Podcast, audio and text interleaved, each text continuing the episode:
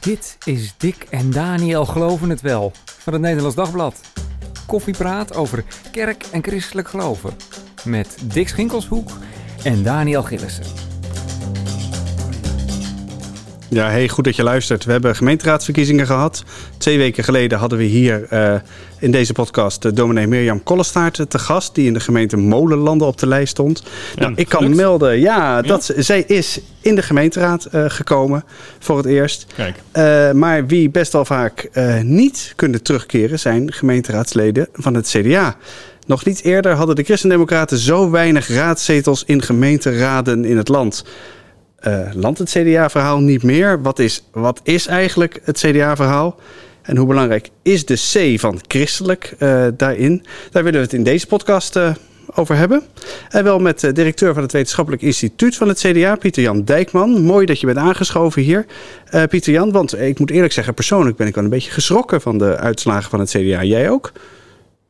Dat klopt, dat heb ik ook. je moet dit echt zien als een wake-up call. Je kunt niet zomaar zeggen dat uh, het wel meevalt of dat wij de peilingen hebben verslagen. Hmm. Dat niet. Nee, want dat wel een paar keer geklonken inderdaad. ik wou zeggen, dat hebben we wel gehoord. Van, het valt mee. Ook uh, Dirk Boswijk als campagneleider, die zei van nou, die liep stralend rond de dag erna, want het viel toch wel mee. Het is natuurlijk hoe je er naar kijkt. Ja. Als je vier weken geleden had genomen, je had dan de peilingen, dan snap ik best dat je een beetje de moed erin houdt. En er zijn ja. ook gewoon wel wisselende uitslagen. Er zijn steden, dorpen waar het heel goed is gegaan. Maar grosso modo, het algemene beeld is niet opwekkend. Nee, want laten we even luisteren naar wat uh, CDA-partijleider Wopke Hoekstra uh, te melden had over de uitslag. Ik had natuurlijk dolgraag alle zetels willen behouden. Uh, en tegelijkertijd lijkt dit beter dan verwacht. Maar er is ook nog een wereld te winnen. En dat gaan we de komende jaren doen. Lokaal, maar zeker ook landelijk, door gewoon heel hard te werken. Uh, en letterlijk dag voor dag ons keihard in te zetten voor onze democratie, voor onze idealen. En ik ben zeer gemotiveerd om dat ook te gaan laten zien. Ja, zeer gemotiveerd om dat uh, te laten zien. Terwijl er in sommige plekken inderdaad wel 60% van de, van de stemmen af uh, ging. Dus dat hakte natuurlijk wel in. Wat is, denk, jij dat er nodig is, Pieter Jan, voor in een soort herstel van, het, van het CDA? Dat is meteen een hele grote vraag, maar hij doelt ergens op, Hoekstra, zou je denken. Ja, en ik snap heel goed dat Hoekstra de moed erin houdt. En er zijn ook echt steden, en dat moet je niet veronachtzamen, en dorpen waar het echt goed is gegaan. Uh, mijn absolute aantallen heeft het CDA inderdaad niet goed gescoord. Nog nooit um, had het zo weinig stemmen bij verkiezingen.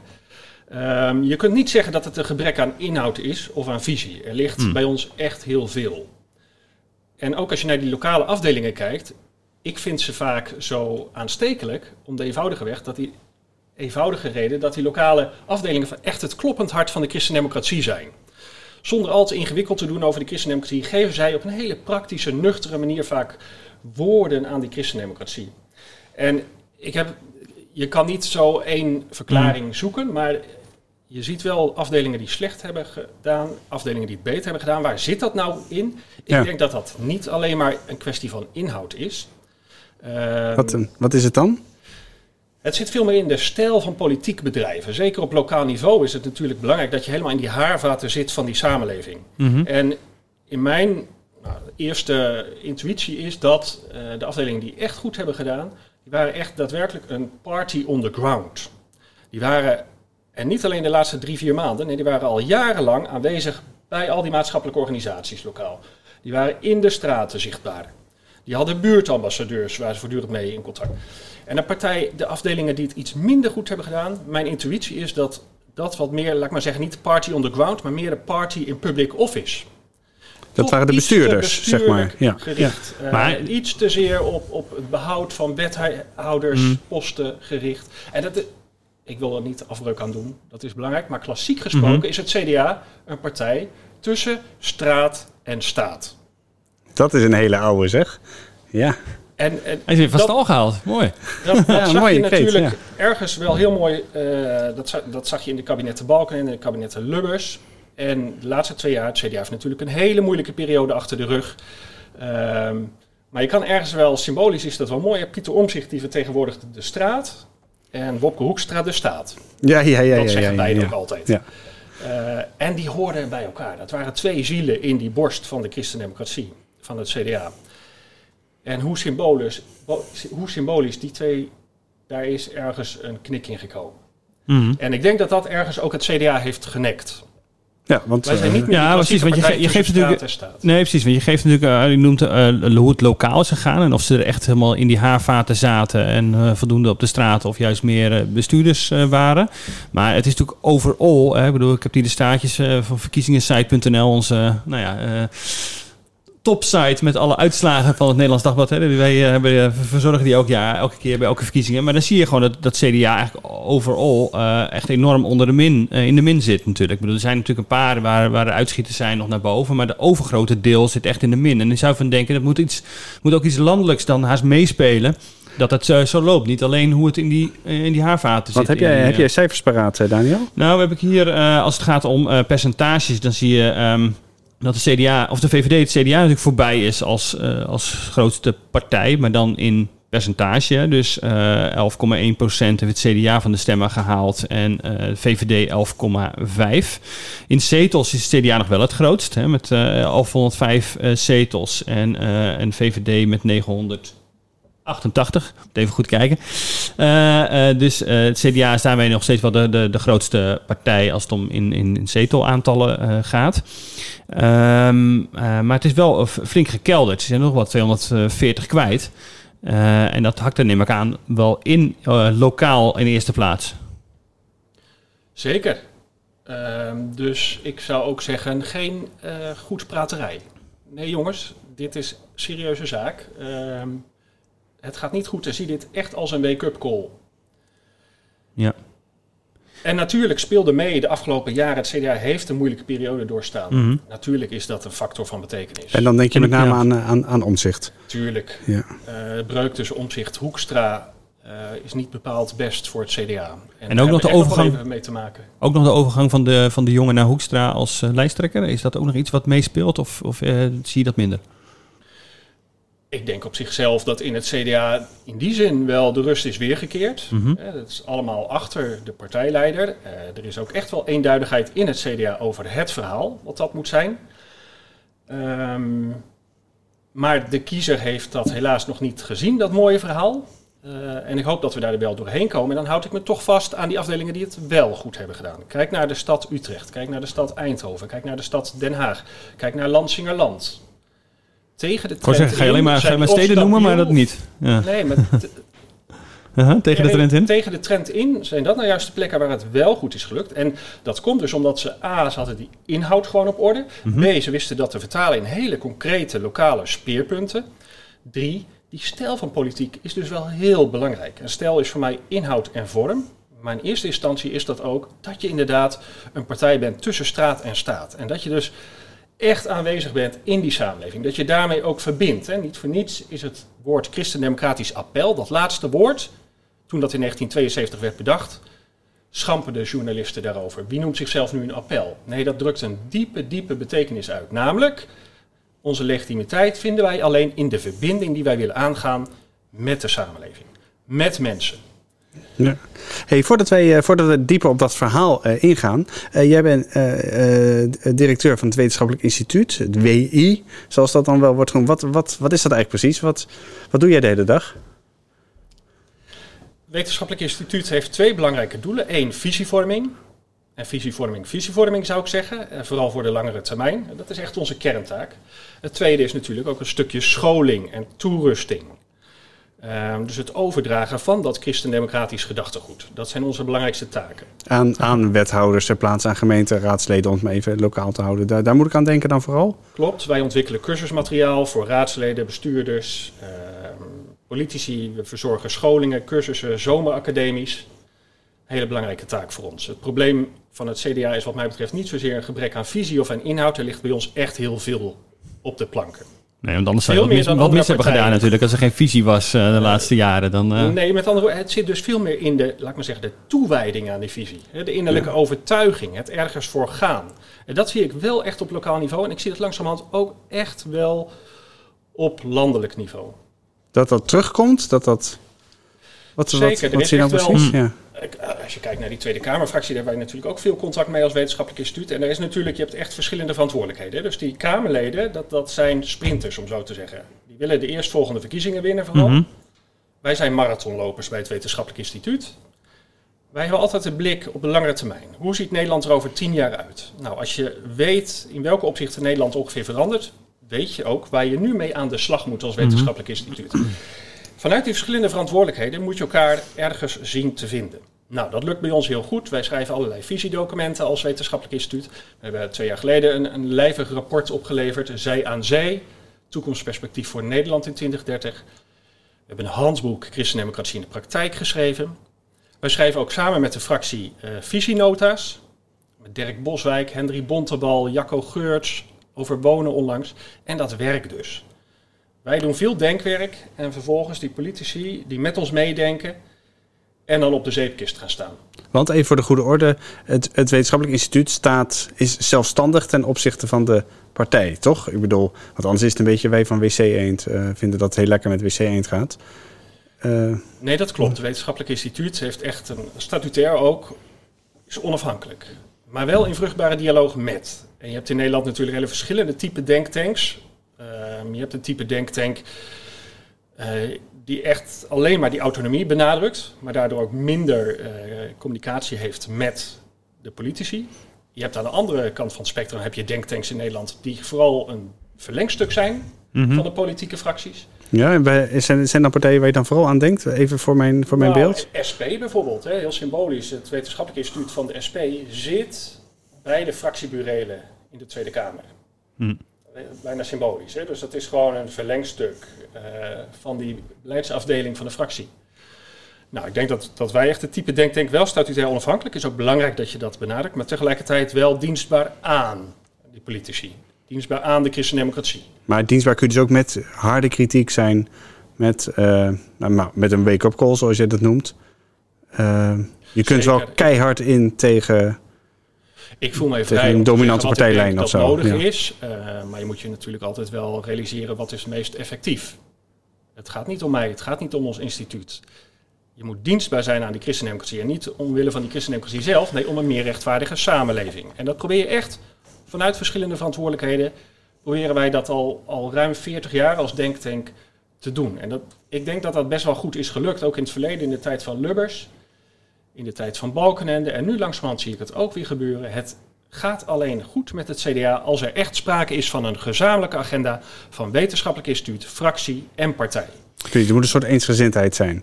eh, zeg maar. Dat is de. Zeker. Precies, daarmee red je. Hey, jullie hebben een, een, een, een handboek, zei je net. Een handboek. Hoe word ik een goede CDA? Een handboek, Christen, een handboek Christendemocratie noemde je het volgens mij, hè? Handboek Christendemocratie in de praktijk. Ja, precies. Hoe ziet dat, hoe ziet dat eruit? Wat is hoofdstuk 1? Ja, wat, vooral wat is Je christendemocratie? hebt, je zeg maar? hebt er eentje valt bij je, wat leuk. Het valt natuurlijk eh, honderd keer die term, maar eh, wat, eh, wat moet ik daaronder verstaan? Ja, precies. Je bent, je bent raadslid geworden voor het CDA. En je hebt eigenlijk niet zo'n goed idee wat het CDA is en doet. Althans, je weet natuurlijk wel wat je hebt campagne gevoerd en zo. Maar nu krijg je dat boekje. Een mooi eh, Ik hoop echt dat het andersom is. Oké, je krijgt eerst het boekje, prima. En dan vervolgens... Ja. Nee, het begint echt met Het is een mensbeeld en een samenlevingsbeeld en een visie op de rol van de overheid. En ik zou zeggen, als je het in één zin moet samenvatten... Het centrum is niet de staat. Het centrum van de christendemocratische politiek is die samenleving. Dus, dus niet het individu, wat je dan meer helemaal aan de rechterkant ziet, zeg maar, niet de staat. Zoals het aan de linkerkant van het, van het spectrum. schematische Maar weergave, maar inderdaad... ik hou heel erg van schematische weergaven, dan snap ik het tenminste. Van origine zie je natuurlijk wel dat, laat ik maar zeggen, de, de liberale partijen altijd wat meer gericht zijn op de markt als oplossing voor sociale problemen. Eh, je ziet de linkse partijen die uiteindelijk toch eh, mensen als slachtoffer zien die beschermd moeten worden door een Mhm. almachtige overheid. En de christelijke partijen, christendemocratische partijen, die echt fundamenteel zich willen verbinden met die samenleving. Omdat daar ook veel goeds in besloten ligt. Het kwade is er ook. Ehm, maar heel vaak denken politici dat zij die samenleving moeten maken. Nee, die samenleving is er al. En als er problemen zijn, dan dienen de oplossingen zich vaak ook aan vanuit die samenleving. Daarom zegt Wopke Hoekstra ook heel vaak samen. Dat zegt hij heel vaak. Ja, en dat is me soms nog iets te gemakkelijk. Hè? Dat, dat samen is vrij, redelijk vrijblijvend. Mhm. Eh, Dus als oplossing voor egoïsme eh, of te veel statelijkheid wordt vaak gewezen naar de samenleving. Nee, maar er zit ook een normatief aspect aan. Ja, want kun je dat wel verder, precies, kun je dat wel verder toelichten als het gaat om die, om die samenleving en om het christelijk-democratisch gedachtegoed daarover, zeg maar. Even scherp krijgen van uh, waar staat ja, het CDA nou voor? Of wat is het christelijk-democratische gedachtegoed nou precies? Je hebt het al even in één zin samengevat, dat is de hele beknopte versie, maar uh, kun je daar wat meer woorden aan geven? Nou, um, politiek begint echt met een mensbeeld. En ik vind dat heel wezenlijk voor de christendemocratie. Dat ons mensbeeld is redelijk geprononceerd. En, en daar zitten een aantal aspecten in. In de eerste plaats is dat echt het gegeven dat um, mensen in zichzelf een menselijke waardigheid kennen. Ja, dus ieder mens, ieder individu is belangrijk in zichzelf. Absoluut, op grond van zijn mens zijn. Dus het gaat er niet om wat je doet, wat je presteert, wat je functie is, mhm. wat voor auto je hebt. Nee, simpelweg op grond van jouw mens zijn. Ben jij mens en doe jij ertoe? Dat is een heel wezenlijk aspect. En um, daarnaast natuurlijk ook, uh, mensen zijn sociaal gericht. He, vanaf het vroegste begin van hun geboorte zijn zij gericht op anderen en willen zij met anderen de werkelijkheid vormgeven. Um, en die christendemocratie die weet je dus ook los van de gedachte dat het leven om onszelf draait. Nee, het gaat erom dat wij samen met anderen die werkelijkheid vorm kunnen geven. En dat is vrij fundamenteel, dat mensbeeld voor die christendemocratie. En kijk je naar de hedendaagse tijd, hè, dus het is ook relevant in deze tijd, mhm. hele andere mensbeelden domineren. Dus bijvoorbeeld het mensbeeld van de, van de self-made mens. Kijk naar de speeches van Mark Rutte en je hoort het elke keer. Als jij je inzet voor Nederland, zul je worden beloond.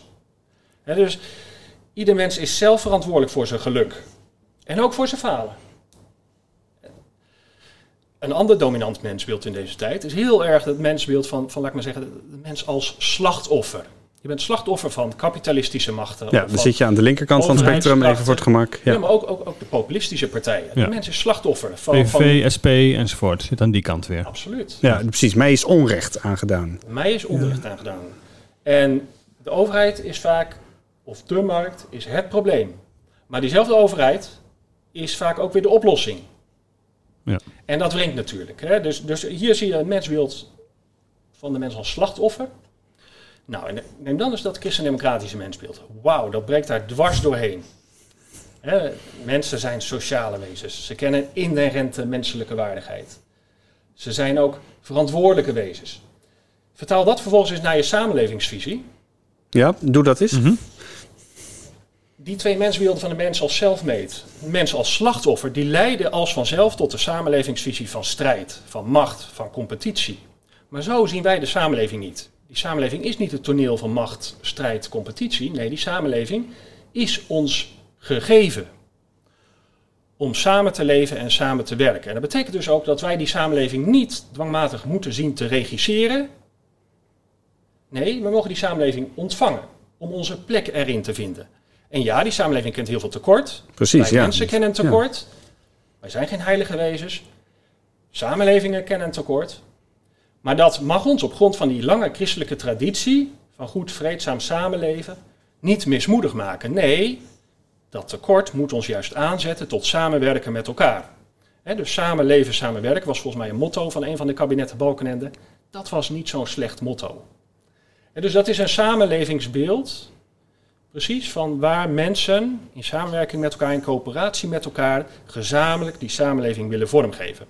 Nou, vertaal je dat vervolgens naar een overheidsvisie dan is die overheid dus ook niet het centrum. Nee, dat is die samenleving. En die overheid die kan die samenleving niet goed maken. Hmm. Nee, die overheid moet het mogelijk maken dat mensen zelf goed kunnen zijn.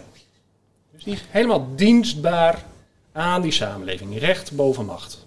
Samenleving boven staat. En heb je het idee dat, dat, deze, dat dit verhaal door het CDA nu voldoende voor de bühne wordt gebracht? We komen uit een hele lange uh, en moeilijke periode inderdaad, de laatste drie jaar. En in al dat geweld, in, in, de, in die ego's, is dat verhaal natuurlijk wat teloor gegaan. Ja, dus gewoon gedoe met mensen en zo. Daar zit het vooral. Uh, Absoluut, dat leidt alleen maar af. Uh, en ik heb steeds gedacht, al, al vanaf 2013, we komen er weer. 2017 met Sibrand Buma waren we echt mhm. bezig met een agenda. En dan komt er toch weer gedoe. Maar er zit wel iets diepers. Hè? Het is te gemakkelijk om dat allemaal af te schuiven op gedoe. Er zit natuurlijk ook wel iets in het CDA. Ehm, misschien zijn we zelf ook wel mede oorzaak geweest van het verval van het CDA. Het CDA is zichzelf misschien ook wat kwijtgeraakt. Waar zit hem dat dan in? Dat zit hem volgens mij uh, in een paar elementen. In de eerste plaats ehm, dat het CDA toch ook wel een beetje die marketingmachine is geworden. Ehm, dus marketingbureaus kun je natuurlijk heel goed vertellen uh, wat goede one zouden zijn. Maar kiezers willen toch ook vooral het waarom horen.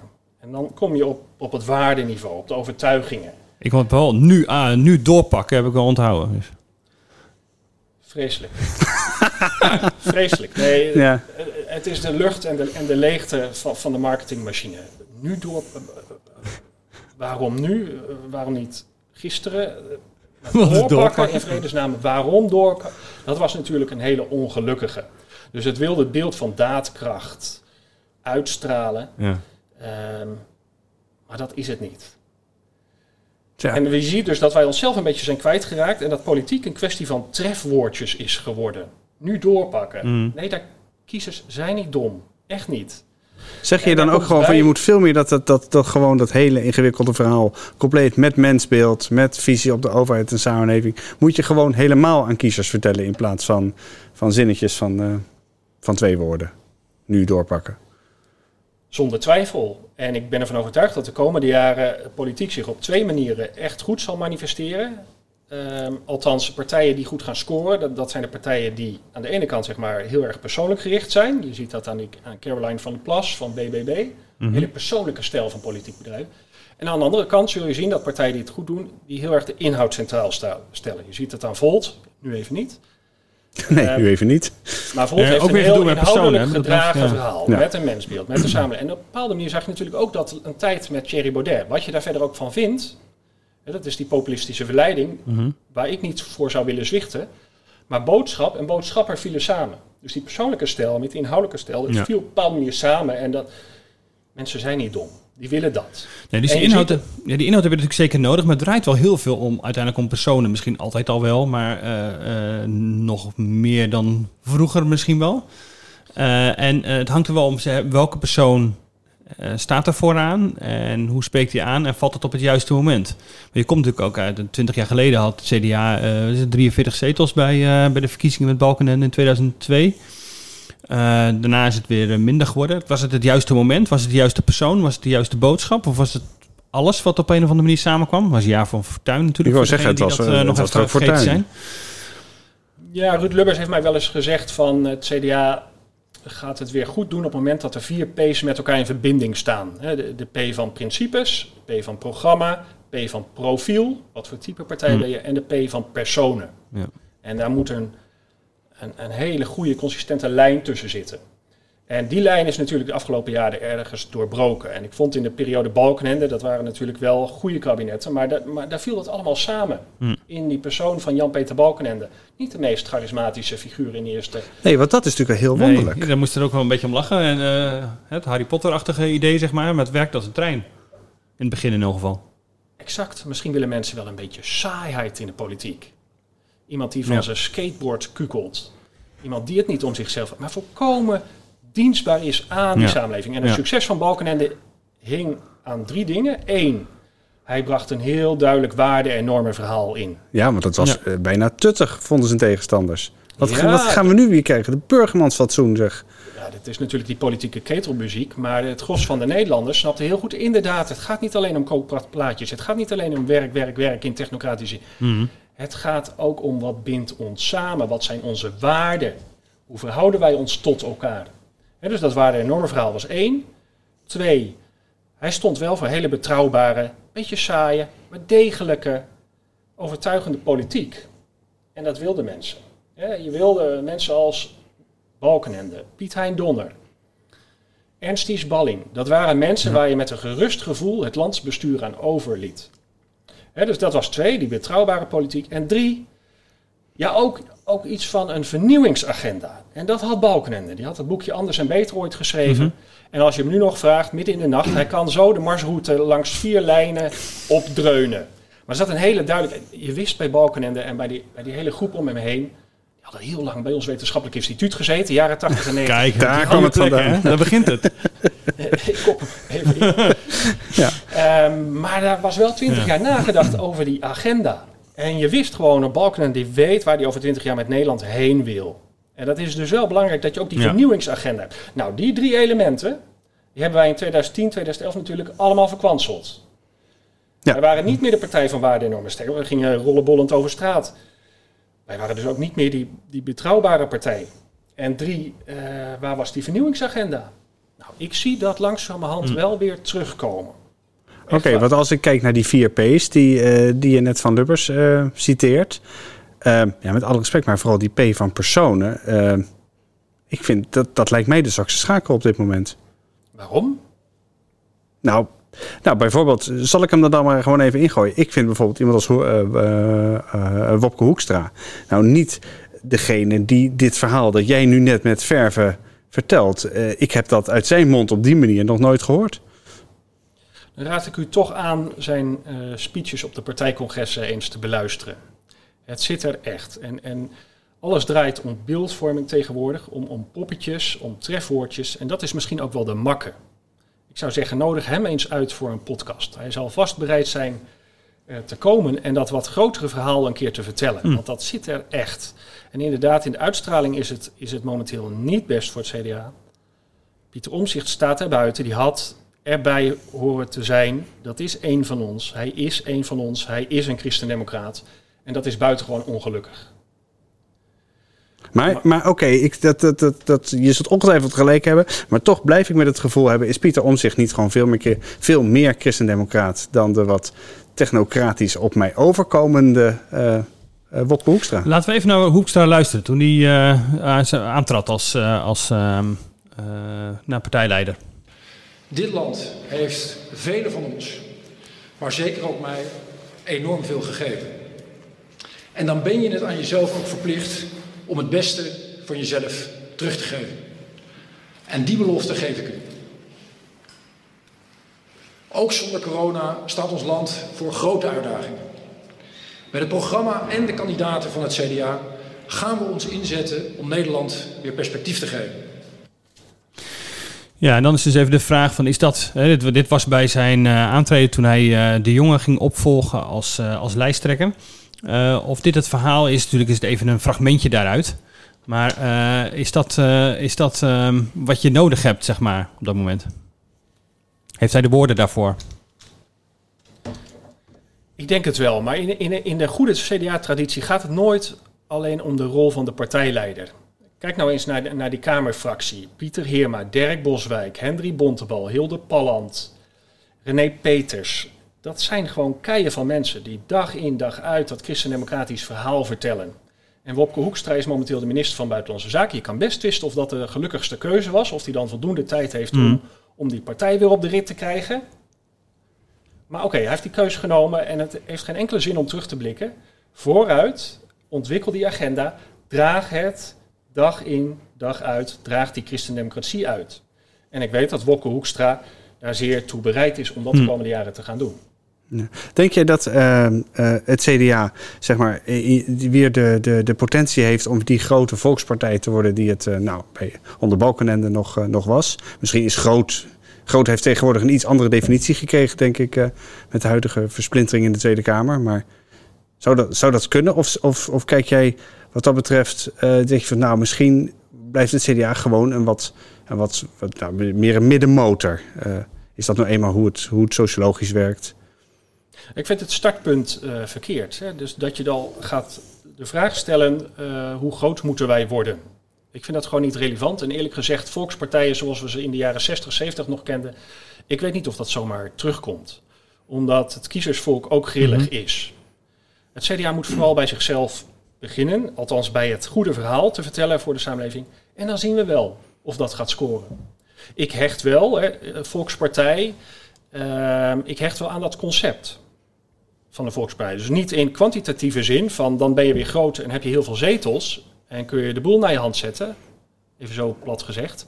Nee, ik hecht aan Volkspartij simpelweg in, in de conceptuele zin. Want een Volkspartij betekent één, Een volkspartij is op zoek naar gemeenschappelijke belangen en richt zich niet alleen op doelgroepen of deelgroepen of deelbelangen. Nee, het gaat ons om de heelheid van het volk, de heelheid van de natuur.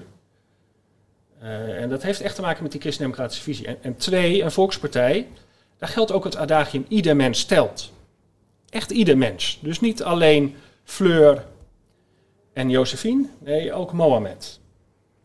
Dat is ongelooflijk belangrijk, dat, dat motto van ieder mens stelt. Want wat als een samenleving waarin niet ieder mens stelt, dan is die samenleving dus niet compleet. Hm. En ik vind dus dat mensen als Pieter Omtzigt, ook, ook in de fractie, Pieter Heerma, Dirk Bolzijk, Hilde Palland, René Peters, die laten dat voortdurend zien. Die staan aan de kant van degene die een helper nodig hebben. De verdrukte, de, de mensen die onrecht is aangedaan. En is dat, is dat dan de, ook de C van het CDA, zeg maar, waar je, uh, waar je dat dan terugziet in, in deze mensen en ook inderdaad in de, het omzien zeg maar, naar, uh, naar iedereen? In zekere zin wel natuurlijk. Hè. Die, die C dat, dat draagt een heel rijke potentie in zich, een hele lange rijke traditie. Um, dat heeft echt te maken ook met, met dat mensbeeld waar we het zojuist over hadden. Uh, maar ik zou die, die C van het CDA ook heel nuchter willen opvatten. Hè. Christelijke politiek is in die zin voor mij gewoon een heilzame levenspraktijk. Mm Dus heel vaak wordt het gezocht in zeg maar, vrij hoog over. Het is een abstracte normatieve politiek. Van wij hebben een christelijke visie op de samenleving en wij moeten die christelijke visie zien te implementeren in de samenleving. ik denk dat in de christendemocratie het altijd veel nuchterder is, is benaderd. Namelijk de christelijke politiek, christendemocratische politiek, valt samen met een samenleving waarmee je de verbinding aan wilt gaan. En heel veel waarden, die zijn al aanwezig in die samenleving. En het gaat erom om dat zichtbaar te maken. Want er, zijn, er zijn nog twee uh, partijen in de Tweede Kamer die, uh, ja, ik wil zeggen met een C in zich, maar dat geldt eigenlijk maar voor één partij. Die andere heeft een G van geïnformeerd. Uh, maar goed, laten we daar even. Er zijn nog twee christelijke partijen in de, in de Kamer. Wat is wat jou betreft dan het verschil tussen het christendemocratische verhaal en bijvoorbeeld het verhaal van de ChristenUnie? Nou, het, CDA is nadrukkelijk echt een, een, volkspartij en geen spiritueel genootschap. Dus de partijvoorzitter. Vind jij de ChristenUnie een spiritueel genootschap? Zeg je dat nu? Het is een unie van. ChristenUnie en CDA, voor de goede orde, zijn twee loten van dezelfde historische stam. SGP is echt weer net een iets andere traditie. Dat is een theocratische politiek. Gaat het er in eerste instantie om om godsgeboden, godsregels te implementeren in hm. een samenleving. Ja, nee, maar oké, okay, laten, we het, laten we het wel even over de, de maar ik zou inderdaad zuinig willen zijn op die term christelijk. Ja, CDA spreekt het liefst ook van christendemocratisch als schakel tussen, laat ik maar zeggen, uh, simpelweg de politiek als democratisch ambacht, seculier ambacht, en, en, en het christelijke. En, en dat is heel erg belangrijk. En ik ben zuinig op die term christelijk, omdat christ christelijk is voor mij in eerste instantie volgeling van Christus willen zijn. Door hem in beslag te worden genomen. Maar de aard van de politiek is wel echt anders. Want in de politiek gaat het primair echt om het bewaren van de orde, de rust en de vrede. Ja, om dus de boel bij elkaar te houden. En je mag, wat mij betreft, de politiek ook niet overvragen.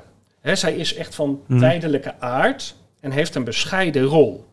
Dus je kunt ook prima niet gelovig zijn en een goede christendemocraat zijn. Zeker, absoluut. Want dat lijkt me bij de ChristenUnie bijvoorbeeld lastiger. Dat je, uh, het, lijkt me niet doenlijk om actief te zijn voor de ChristenUnie en tegelijk niet christelijk Sterker, de statuten van de, van de ChristenUnie bevatten een geloofsbeleidenis, een verwijzing naar een confessie. Dat was vroeger de drie formulieren van eenigheid.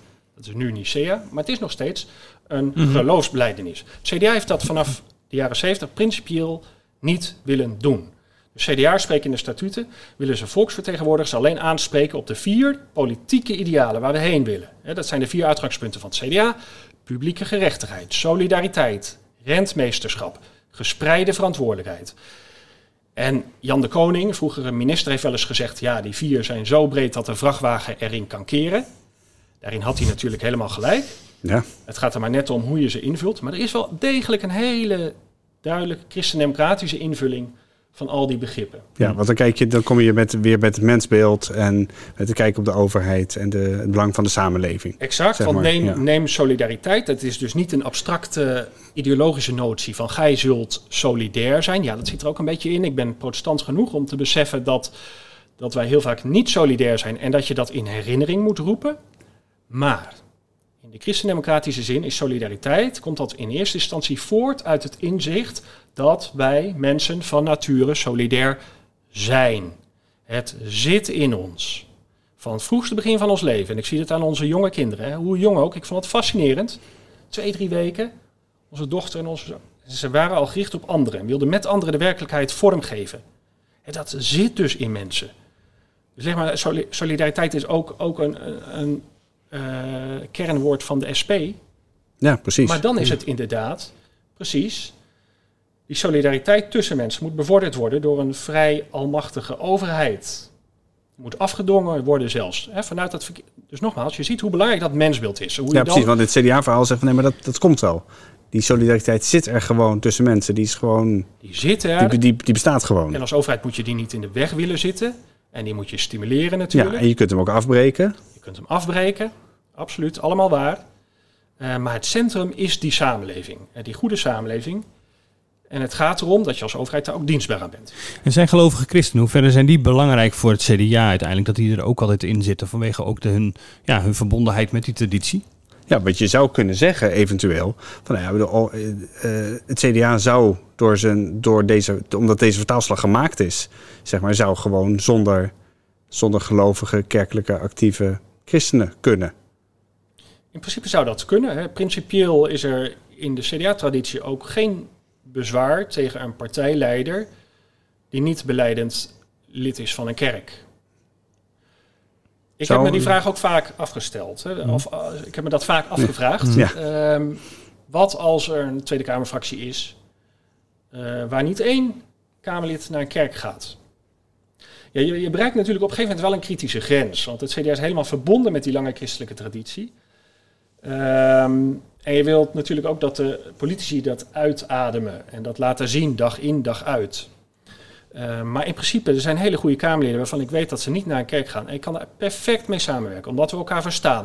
En dus mensen hoeven niet per se naar een kerk te gaan, maar daarmee zijn ze nog niet van God los. En dat geldt natuurlijk voor alle Nederlanders. Uh, dat ze wel degelijk nog die, die CDA-waarden of die, die christelijke waarden in zich meedragen. Maar dat is natuurlijk het interessant inderdaad, onderzoek van uh, eh, SCP, het Sociaal en Cultureel Planbureau van deze week.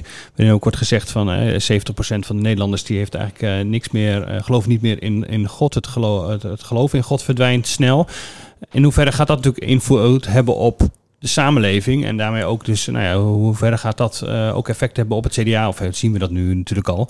Uh, heeft dat daar ook mee te maken? Dat inderdaad die kerkheid afneemt, maar ook het geloof uiteindelijk afneemt. Ik denk dat het echt een verkeerde veronderstelling is. Dat gaat uit van uh, toch het secularisatievertoog, van Nederlanders worden moderner. Mm -hmm. En dus de onze kerkleering neemt toe. Steeds minder mensen gaan naar de kerk, steeds minder geloven. En dat zal uiteindelijk op de lange duur ook ten koste gaan van het CDA. Ja. Op de lange duur, ik bedoel, uh, dat zien we toch nu of niet?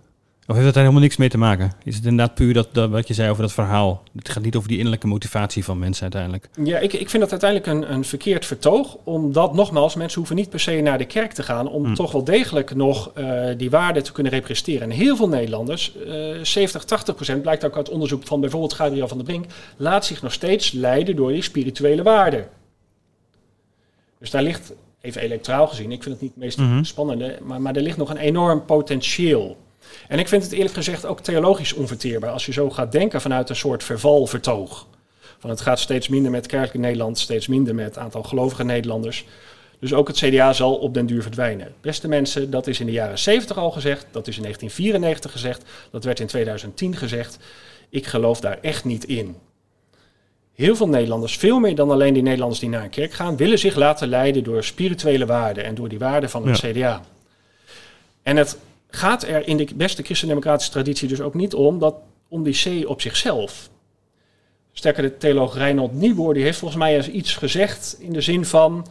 Het is de eerste taak van christenen om er geen christelijke politiek op na te houden. Ja, uh, Reinhold Niebuhr, Amerikaanse uh, theoloog, overleden volgens mij begin jaren 70. Theoloog, filosoof in Amerika inderdaad. En, en die zag dit al heel goed. Hè? Dus het is de eerste taak van christenen om er geen christelijke politiek op na te laten. Met andere woorden, een christelijke identiteit is nooit een doel op zichzelf. Een christelijke identiteit is slechts een middel om een betere, meer rechtvaardige samenleving mogelijk te maken. En in die zin, christelijke politiek belemmert dus ook niet de politiek. Nee, die maakt ze juist mogelijk, zou ik zeggen. Juist alleen al door het inbrengen van je eigen overtuiging. Dat impliciet doet of expliciet, dat doet het. CDA heeft dat altijd op een impliciete manier willen laten meespreken in het Mhm. handelen. Ehm, maar juist daardoor is het mogelijk om dat gesprek over wat van waarde is, wat van waarde is voor jezelf, voor de politiek, voor de samenleving, om dat in te brengen, daar het gesprek over te voeren. Met andere woorden, christelijke politiek, christendemocratische politiek, beter gezegd, maakt waardevolle politiek mogelijk. Zou het ehm, eh, wenselijk zijn op den duur? Kijk, ik bedoel, ik, ik ben het helemaal met je eens. Dus we moeten niet al, allereerst electoraal kijken. Het gaat overal om de inhoud, om het verhaal.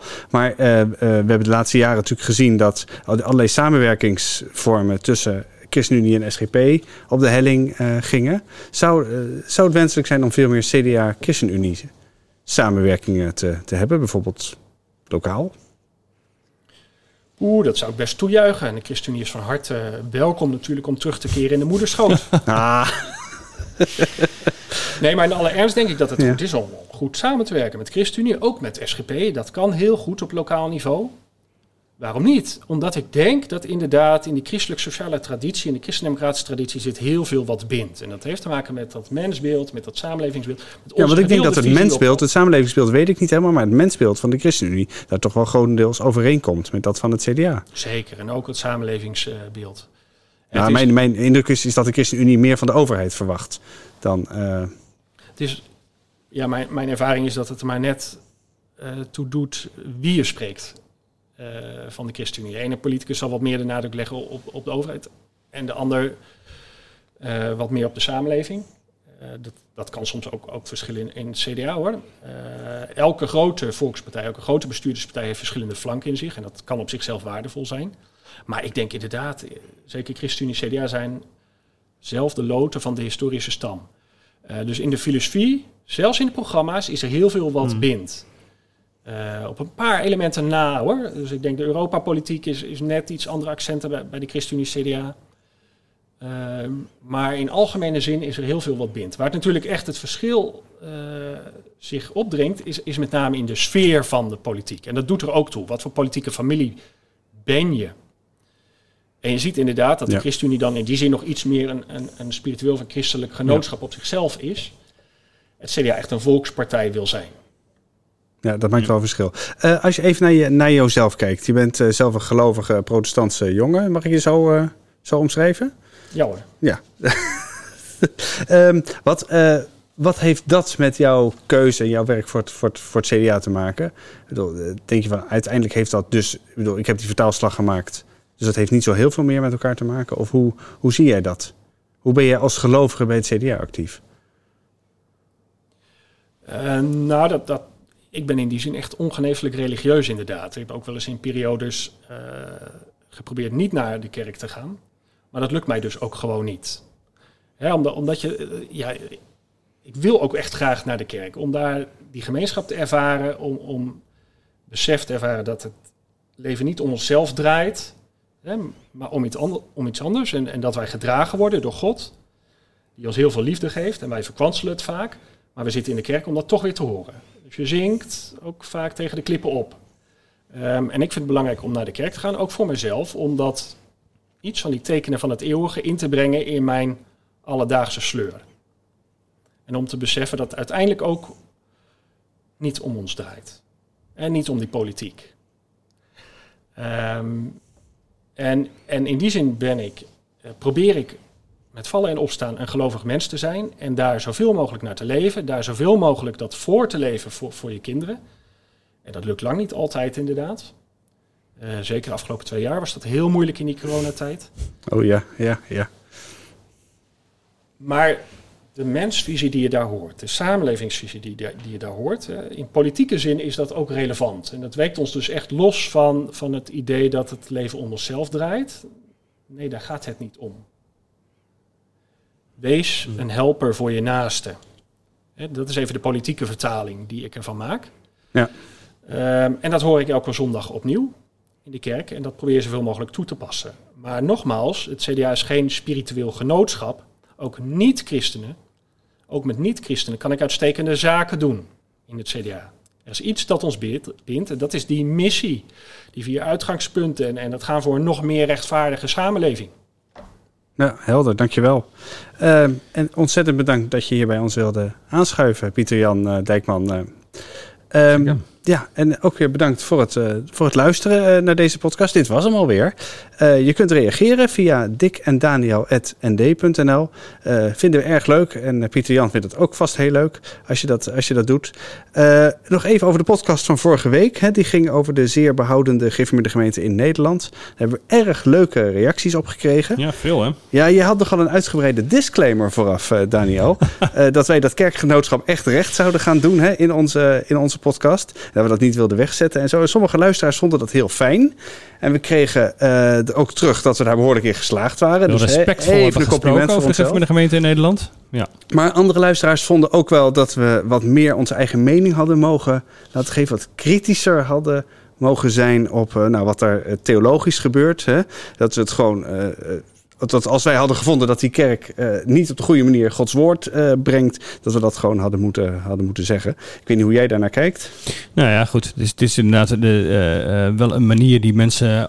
Um, uh, nogal op zich, uiteindelijk ook op zichzelf terugwerpt. En uh, dat maakt het wel vrij ingewikkeld. En ze hebben het, nou ja, om dan inderdaad met, die blauwe draad die we eerder hebben aangehaald, die een boekje had geschreven, het is ingewikkeld geworden. Dat is inderdaad wel. En uh, ik zou graag zien dat ze het op een andere manier zouden, zouden brengen. Maar dat is, weet je, het ging nu vooral om het te analyseren. En niet zozeer om er een, om er een oordeel over te geven of het nou wel of niet goed is wat daar gebeurt. Zo is dat. Uh, vind je het nou ontzettend leuk wat we doen? Luister je graag naar deze podcast? Overweeg dan eens een abonnement op het Nederlands Dagblad. Dat kan heel eenvoudig. We hebben mooie digitale abonnementen al vanaf 1,75 euro per week. Uh, ga dan daarvoor naar nd.nl slash abonnement. En voor nu bedankt voor het luisteren en tot ziens. Doeg.